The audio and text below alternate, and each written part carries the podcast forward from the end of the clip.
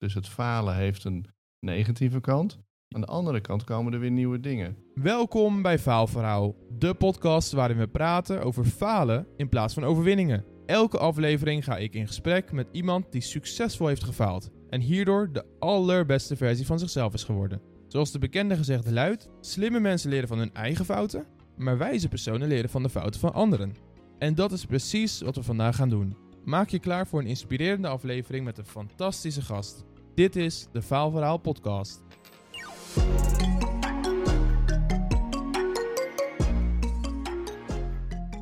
Vandaag is Andreas bij mij te gast om zijn grootste fouten en leermomenten met ons te delen. Uh, Andreas, welkom. Zou je in een paar zinnen willen uitleggen wat je momenteel zakelijk gezien doet? Dankjewel, Selim. Uh, ja, dat kan ik doen. Ik werk bij raakpersoneel, zoals je al zei. Mijn functie is innovatiemanager. Een van mijn taken is uh, raakpersoneel bekendmaken bij klanten en kandidaten. Dat we dicht bij mensen staan, mensen verder helpen met een baan. Een van de manieren waarop we dat doen is uh, middels een podcast, Raakpraat, met zes keer een A. En dan nodigen we mensen uit en dan kijken we van hey, hoe maken zij de verbinding als bedrijf met de kandidaat. En we nodigen ook werkexperts uit, uh, zoals bijvoorbeeld Jesse Geul, bekend van LinkedIn.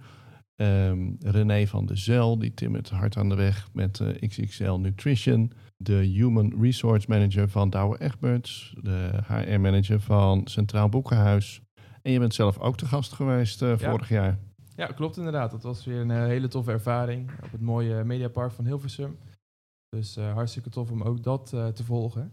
Vooraf heb je aangegeven dat je een mega lijst hebt aan uh, fouten en Klopt. leermomenten. Ja. Ik ben heel erg benieuwd wat, ja, wat je vandaag met ons gaat delen. De luisteraars zijn benieuwd en ik natuurlijk ook. Dus laten we gelijk daarmee gaan beginnen. Kun je ons meenemen in jouw zakelijke fouten en leermomenten? Ja, ik vond het een hartstikke leuke oproep die ik zag volgens mij op LinkedIn van je. En ik was meteen enthousiast. Je vroeg me via een DM, dacht ik, van nou, wil je daar aan meedoen? En nadat je me vroeg, ja, kwam de een naar de andere fout en faal uh, bovendrijven. En vanmorgen nog even, voordat ik hier naartoe reed, heb ik ze even op een rijtje gezet. Maar er zijn er heel wat geweest, want ondernemen is volgens mij fouten maken. Als je iets gaat doen, weet je van tevoren niet of het gaat lukken. Dus ja, falen hoort er echt gewoon bij. En ik heb een paar leuke anekdotes, denk ik. En in ieder geval verschillende korte anekdotes waar elke keer wel een, ja, een behoorlijke faal in zit. Mijn eerste is, is toen ik uh, voor mezelf op begonnen, was dat als copywriter en ik had niet echt de ervaring. Dus ik uh, was wel freelance sportverslaggever geweest, maar ik, ik dacht van ja, ik wil gewoon weg uit die sleur van 9 tot 5. Ik wil voor mezelf beginnen. En ik had wat geld opzij gelegd. En toen begon ik als copywriter.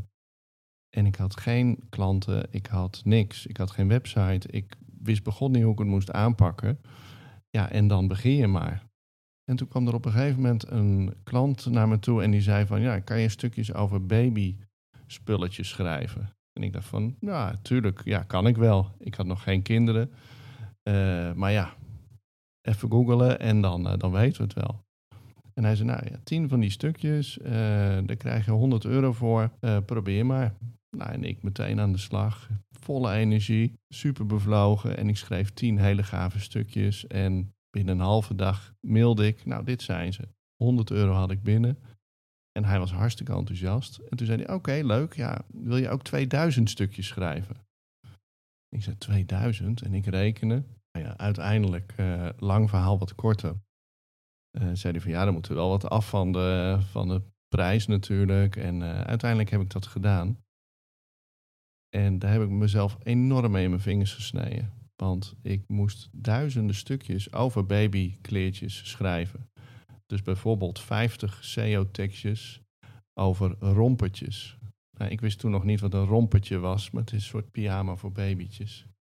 En dan moest ik een stukje schrijven over blauwe rompertjes voor kleine baby's.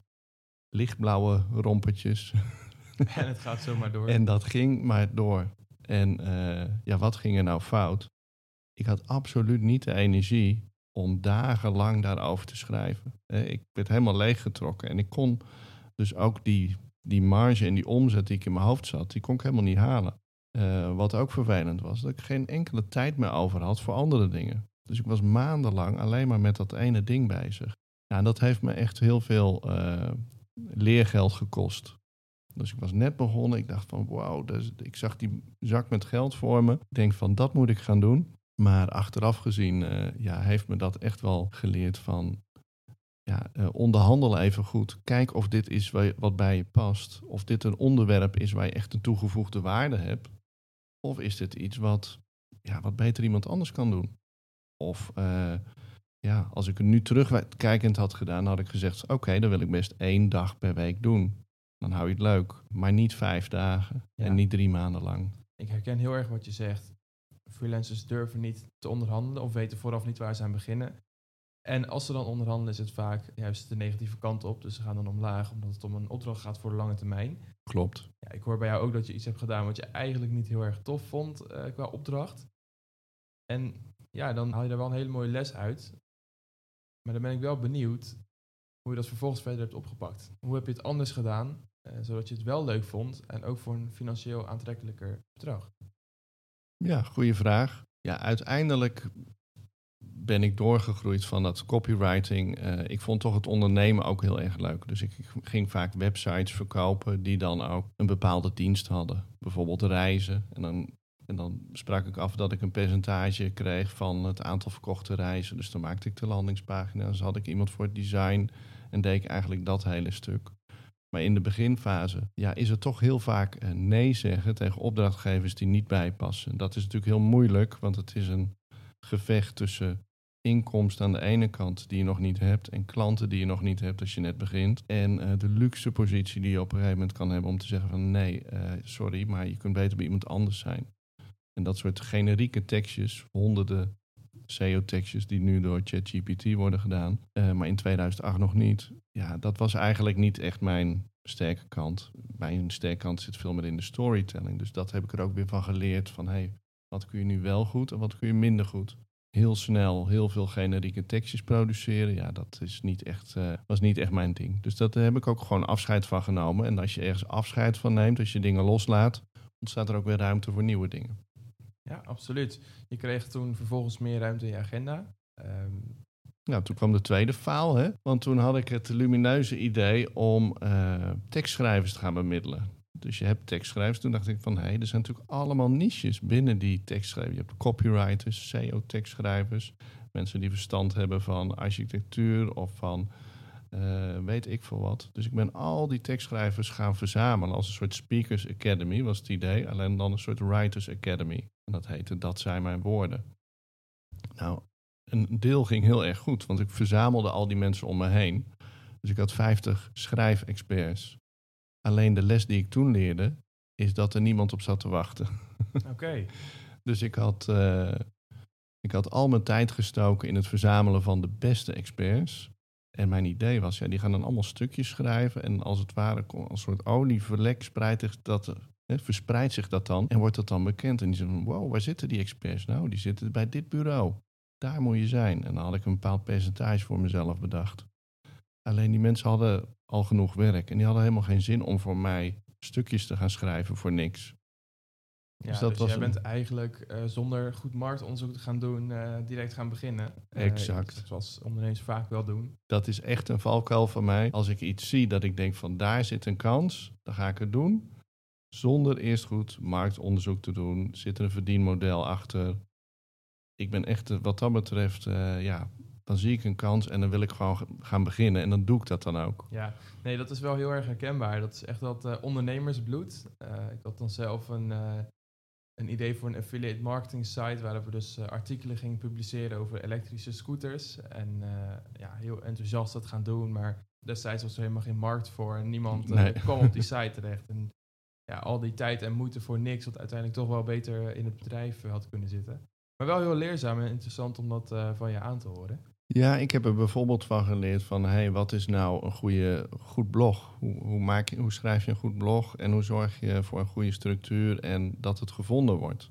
En daar heb ik later heel veel aan gehad, want nu is nog steeds, ja, goede SEO, goede vindbaarheid heeft echt te maken met kwalitatief goede teksten die naar jouw website gaan. En als je bijvoorbeeld een marketing eh, eh, website hebt of, of iets over podcasten en je wordt gelinkt vanuit Frank Watching en dat soort bekende websites, ja, eh, de systematiek erachter is nog steeds exact hetzelfde als toen in 2008, 2009. Dus ik heb er behoorlijk veel van geleerd Ja. op het gebied van online marketing. Maar dat als verdienmodel heeft echt nooit wat opgeleverd. Nee, geen cent.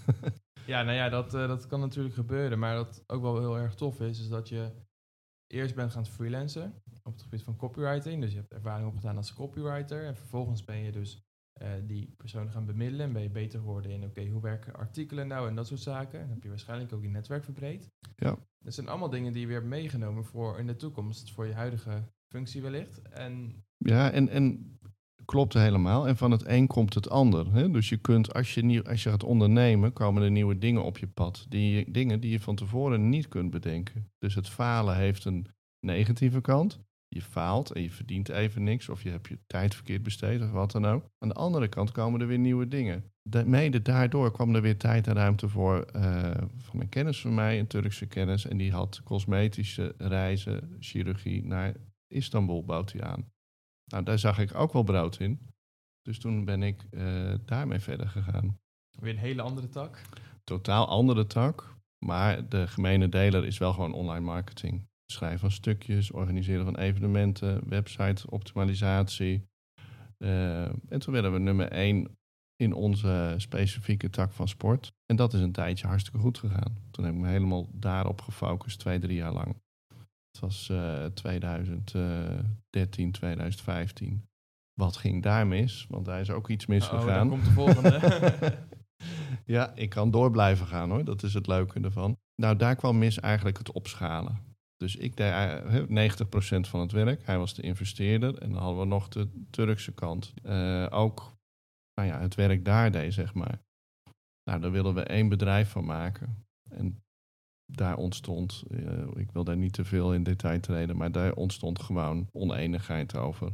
Wie doet wat, wie investeert wat. En voor mij was dat best wel heftig, want ik ben daar toen een, eh, een vriend door verloren. Met wie ik dat heb opgezet, omdat wij daar niet uitkwamen. We kwamen uiteindelijk met advocaten en al eh, aan te pas. En die business is toen gestopt.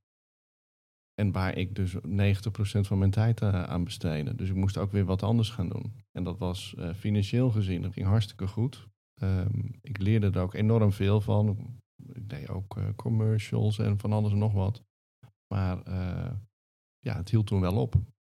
Denk je dat het qua ondernemen niet goed samengaat om iets te doen met je familieleden en vri- ja, vrienden eigenlijk? Ja, het is één voorbeeld en het is bij mij één keer niet goed afgelopen. Dus ik persoonlijk zou het niet zo heel snel doen. Maar ik zie ook voorbeelden van mensen die dat wel goed doen. Ja, ik ben aangenomen bij raakpersoneel en ik ben volgens mij de enige zo'n beetje binnen het managementteam die niet Mark van Oosterhout, een van de oprichters, al langer kende. En dat werkt wel. Dus ja, ik wil niet zeggen dat omdat bij mij een keer is fout gegaan, dat altijd fout gaat. Ik durf daar niet zoveel, eh, niet echt uitspraken over te doen. Maar ik vond het in ieder geval eh, wel vervelend. Want je verliest dus een vriendschap en eh, een business tegelijk. En dat is behoorlijk pijnlijk. Ja, absoluut. Daar heb ik toen echt wel even één à twee jaar wel, wel gewoon last van gehad. Dat zou wellicht ook te maken kunnen hebben met het feit dat er vooraf onvoldoende gedocumenteerd is. Of wellicht onheldere afspraken. Wat misschien nog wel een betere lesson learned is. Ja, exact. Ja. Het is alweer een tijdje geleden inderdaad. Maar dat was inderdaad een eh, belangrijk iets. Er was niks gedocumenteerd over wie waarvoor verantwoordelijk was. En eh, wat krijg je dan? Dat er in iemands hoofd zit er gewoon van... ja, zo doen we dat en ik doe dat allemaal. En die ander denkt van... hé, hey, maar daar zit al mijn geld in. Dus eh het is 100% van mij. Dus je hebt allebei het idee van... dit is 100% mijn toko. Maar zo zit het dus niet.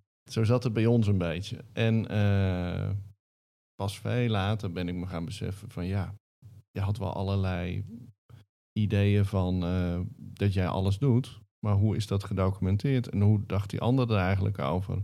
Dus ik heb daar wel van geleerd. Ik zei van ja, als je dat wil gaan doen, dan is het leuk om dat te bedenken. Maar als je daar dan niet uitkomt, ja, ga dan vooral op de oude voet door. En eh, dan was er niks aan de hand geweest achteraf. Maar omdat wij daar wel in doorgingen en de oneenigheid ontstond, ja, konden we ook niet meer terug. Maak heldere afspraken. Dat is denk ik een hele mooie lesson learned. Een hele simpele, maar hele glasheldere tip. Ja, absoluut. De volgende, ja. Nou, Nou, failure. zeker, zeker. Nou, ik ging een, bij raakpersoneel ging ik een eh, vacaturebank opzetten voor de jachtinterieurbouw. Nou, dat ging, eh, ging hartstikke goed. Alleen op het moment dat die klaar was, en we werden ook nummer 1 in Google enzovoort, goed vindbaar. Ja, toen bleek dat de markt helemaal was veranderd. Dus daar was echt het factor timing eh, cruciaal. Al die mensen werden in dienst genomen of gedetacheerd of wat dan ook. Dus wij konden daar, die gingen echt niet meer bij ons aankloppen. Maar de deur die geopend werd, is dat Mark van Oosterhout, de directeur van Raak, zei: Ja, maar we hebben ook nog een website. En we hebben ook nog eigenlijk, wordt onze business steeds meer online, dus kan je bij ons gaan werken. En dat ben ik toen gaan doen. En toen ben ik eh marketingmanager bij Raak Personeel geworden. Dus het heeft wel iets opgeleverd. Na een half jaar hebben we de stekker uit dat project getrokken. Van ja, dit gaat hem niet worden met die jachtinterieurbouw. Maar eh, wel gewoon de website zelf. En ja, we stegen toen echt enorm ook in omzet en in bezoekers. Dus de eerste jaren waren bij Raak. Na vier van die faalverhalen wil ik toch ook wel, ook wel eens een keer wat positiefs melden. Eh, ja, onze omzet steeg toen gewoon hartstikke goed. En je zag gewoon dat die website veel en veel beter werd in de beginjaren. Ja, ik vind het ook wel heel erg interessant wat je net zegt. Want ehm, ja, vaak hebben we dat in Nederland, dat als we gaan falen, dat we daar best wel onzeker over worden. Voornamelijk als het een aantal keer achter elkaar gebeurt. Wat natuurlijk bij heel veel ondernemers, professionals, freelancers eh, wel zeker het geval kan en eh, vaak ook is. Ehm, hoe ga jij daarmee om? Nou, steeds beter. Eh, in het begin overkomt het je helemaal. Hè? En dan denk je van, ja, dan zit je er helemaal in, in de film. Ja, ik vind, denk dat film wel een mooie vergelijking is. In het begin ben je gewoon Tom Hanks. Hè? En dan overkomt hem alles. En op Ja. een gegeven moment denk je van, oké, misschien ben ik wel de regisseur van de film. En ik zit ook in die film en soms overkomen me dingen. Maar ik kan ook naar mezelf kijken en denken van, zo erg is het niet. Je hebt nog steeds bijvoorbeeld over dat van die jacht interieurbouw, wat niet helemaal een succes was. Ja, oké, dit is niet geslaagd. Er is verder niks aan de hand. Je krijgt je salaris. Sterker nog, je kan doorgroeien naar iets anders. Dus het is zelfs iets positiefs. Ja, bij sommige dingen kost het wat meer. eh, zeker als je zelf financiële pijn lijdt of je verliest zelf vriendschappen. Is het wat moeilijker om die mild, met mildheid ernaar te kijken of met afstand ernaar te kijken. Maar dat is toch wel een beetje de les die ik zou willen geven. Proberen naar jezelf met mildheid te kijken. Een tweede ding is, hè, net zoals ik zei van in het begin, ging ik heel erg voor die baby eh, stukjes schrijven. Ja, kijk altijd naar twee dingen. Zit er uiteindelijk een soort business in en blijf jezelf bevlogen. Dat is dan vaak een beetje een balans die je moet vinden. Als het niks oplevert, ja, dan is het een hobby. Maar als je er totaal op leeg loopt, ja, dan eh, ben je op weg naar een burn-out. Dus je moet een beetje een balanceeract tussen die twee dingen vinden. Wat ik vaak zie bij ondernemers is dat ze dus een veel meemaken en eh, dat, ze dat, dan, dat ze moeite hebben om dat te eh, scheiden van hun privé. Dus werk- en privé-scheiding is sowieso al een hot topic. Maar vooral als het gaat om falen, waar je dus ook te maken hebt met tegenslagen en dat soort zaken, dat het vaak ook weer impact heeft op je gezinssituatie. Hoe ging jij daarmee om? Nou, ik was eh, die eerste faalacties, en zeker die, eh, die ik heb genoemd, die waren best wel heftig. Dus dat werd thuis eh, werd dat ook wel gemerkt. Want ik veranderde gewoon. Dan ben je chagrijnig, gefrustreerd en je bent er continu mee bezig. Hè. 24-7, zeven dagen in de week zit dat in je systeem.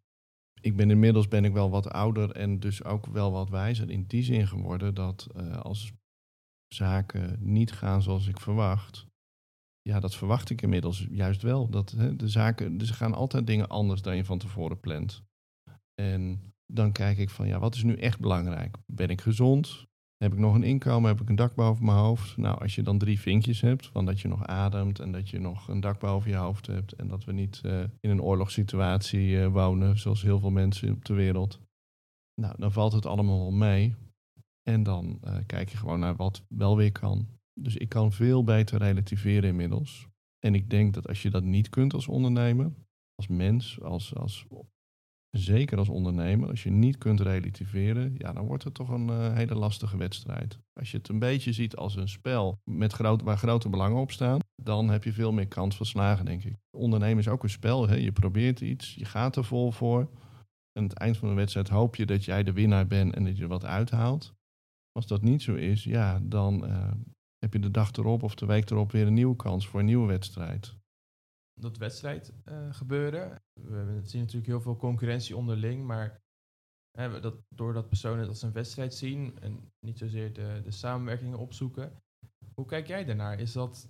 Ik zie het als een wedstrijd tegen jezelf. Dus ik uh, ben nooit bang geweest voor concurrentie, met wat ik ook gedaan heb. Ik geloof ook niet zo heel erg in diepgravende concurrentieanalyses.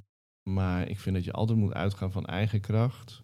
En zeker bijvoorbeeld online. Je kennis delen is alleen maar goed. Ik vind het wel heel mooi wat je zegt. Dat het voornamelijk uh, met jezelf is. Dat je het als een wedstrijd ziet met jezelf. En continu jezelf challenged. En ervoor zorgt dat je steeds elke dag de betere versie van jezelf wordt. Iets waar wij ook heel erg enorm veel waarde aan hechten. Dus dat vind ik wel heel erg tof om van jou uh, te horen. En uh, wat uiteindelijk ook wel wat meer betekenis geeft. Hè? Als jij elke dag je werk doet met de gedachte van... Hey, ik wil elke dag beter worden. Dus ik wil elke dag slimmer slapen bijvoorbeeld. Ja. Dan dat ik uh, vanochtend wakker werd.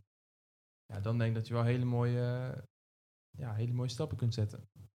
Ja, zeker. En de, er zijn ook weinig dingen die je helemaal alleen kunt doen. Hè? Ja, bijvoorbeeld het podcastproject wat ik nu heb met Raakpraat ja, uh, dan denk ik van wat kan ik goed? Nou ja, een aantal dingen kan ik goed. Ik kan het goed op LinkedIn uh, uh, aankondigen. Ik kan goed de mensen vinden. Maar ja, de techniek die besteed ik uit. Er zijn anderen die, die me helpen om, om succesvol te zijn. En als je wat groots wilt veranderen in je eigen organisatie bijvoorbeeld, ja, dan heb je altijd anderen nodig. Want dit is maar één project. Als je bijvoorbeeld met een nieuw systeem wil gaan werken, of hele nieuwe dienstverlening wil gaan doen, of nieuwe klanten wil gaan werven, ja, als je dan als een kip zonder kop denkt van, hé, hey, dat is een mooie kans, ik ga dat alleen doen, dan uh, krijg je over het algemeen een negatief resultaat. Ik heb ooit gedacht, toen ik net bij Raak zat, van weet je wat gaaf is? Als we alle informatie die we hebben, als het op één inbox komt. Dat bestaat nu al wat langer. En uh, ik zag toen als een van de eerste, zag van, dat heette dan Trengo, en die zaten in Utrecht. En die hadden dan appjes, LinkedIn, en alles werd verzameld op één inbox. Nou ja, nu is dat niet meer zo revolutionair, maar acht jaar geleden had niemand dat. Dus ik dacht van ja, dat, dat moeten we gewoon doen. Nou, uh, Mark was enthousiast en ik had een evenement georganiseerd van nou, uh, laten we dit gaan proberen. Ja, wat ik had vergeten was dat alle collega's al met allerlei systemen werkten. Met Outlook, met, en dat op een miljoen jaar al op hun eigen manier deden. En dat ze dit gewoon zagen als een extra klusje. Dus dat is, ondanks mijn enthousiasme toen, is dat niet echt geslaagd. En dat heb ik nu al zo vaak ervaren. Dat als je, je kunt wel iets zien van, hé, hey, daar is een kans om omzet te halen of om tijd te besparen. Maar als het meer mensen betreft, ja, dan zul je die ook echt allemaal mee moeten krijgen. En als die niet meegaan, ja, dan gebeurt er ook niks. Hoe neem je die uh, stakeholders mee in jouw overtuigingen, in jouw enthousiasme, om er toch een succes van te maken? Eigenlijk vind ik dat dus niet zo heel erg leuk om te doen. En nu heb ik ook ontdekt dat mijn kracht meer zit in het signaleren van hey, waar zijn mogelijke kansen. Dus mijn titel is nu ook innovatiemanager en niet operationeel manager of operationeel directeur of iets in die hoek. Ik vind het veel leuker om te zeggen van joh, dit of dat moeten we hebben. Het dan uh, te laten zien van dit is het. Willen jullie dit gaan doen? Super vet. Maar dan haak ik wel weer af. En dan ga ik weer op zoek naar het volgende. Nou, ik vind dit een heel mooi voorbeeld van ten eerste uh, delegeren. Ja. En ten tweede ook heel goed kennen wat je zelf heel goed kunt en wat je zelf niet kunt. Om echt te focussen op waar je juist goed in bent. Ja, klopt. Ja. Is dat dan ook een advies die je zou willen, willen meegeven aan de luisteraar? Van hè, focus echt op je krachten. Ja, ik, ik ben daar steeds meer achter gekomen. Focus op wat je goed kunt. Want daar krijg je energie van zelf. Daar ga je, krijg je bevlogenheid door. Daar krijg je zin van om mee aan de slag te gaan, zonder welke vergoeding er ook tegenover staat. Dus daar moet je op focussen. Alleen, ja, je zult een in je loopbaan of in je ondernemersbestaan een aantal keer tegen de lamp moeten lopen, denk ik, voordat je weet wat dan je kracht is. Maar ja, als je dat dus nog niet hebt, of je nou 20 of 40 bent, maakt niet zoveel uit. Denk daar dan over na van, hé, hey, wat kan ik nou echt goed? In plaats van dat je alles wilt kunnen doen. Als je een beetje generalist bent zoals ik, wil je het liefst alles doen. Maar als je dan denkt van ja, dat kost mij zoveel tijd en iemand anders die doet dat meteen. Uh, lekker delegeren. En doe je, ga jij nou leren om jouw ding nog beter te doen? Maak van je zeven een negen. In plaats van dat je alles probeert een zesje te maken. Ik denk dat de kern van deze podcast echt is dat je zo vaak mogelijk je fouten moet maken om uiteindelijk een betere versie van jezelf te worden. Zeker. Dat je je voorgaande ervaringen steeds meer, steeds meer meeneemt en daardoor ook weer op uh, betere posities terechtkomt. En dat je echt wel moet durven uitbesteden. Dat, dat, uh, dat daar de kracht ligt. En vooral jezelf goed leren kennen. Heel erg bedankt voor de waardevolle lessen. Heb je als luisteraar genoten van deze aflevering? Vergeet zeker niet om de podcast te delen met je omgeving, ons te volgen op social media en je gratis te abonneren via jouw favoriete streamingdienst. Wil je meer van Andreas horen? In de beschrijving staat een link naar zijn LinkedIn-profiel, waar je nog veel meer leuke verhalen van hem kunt volgen en zijn podcast Raak Praat met heel veel A's. Elke donderdag staat er weer een nieuwe aflevering online. Heel erg bedankt voor het luisteren en graag tot de volgende week.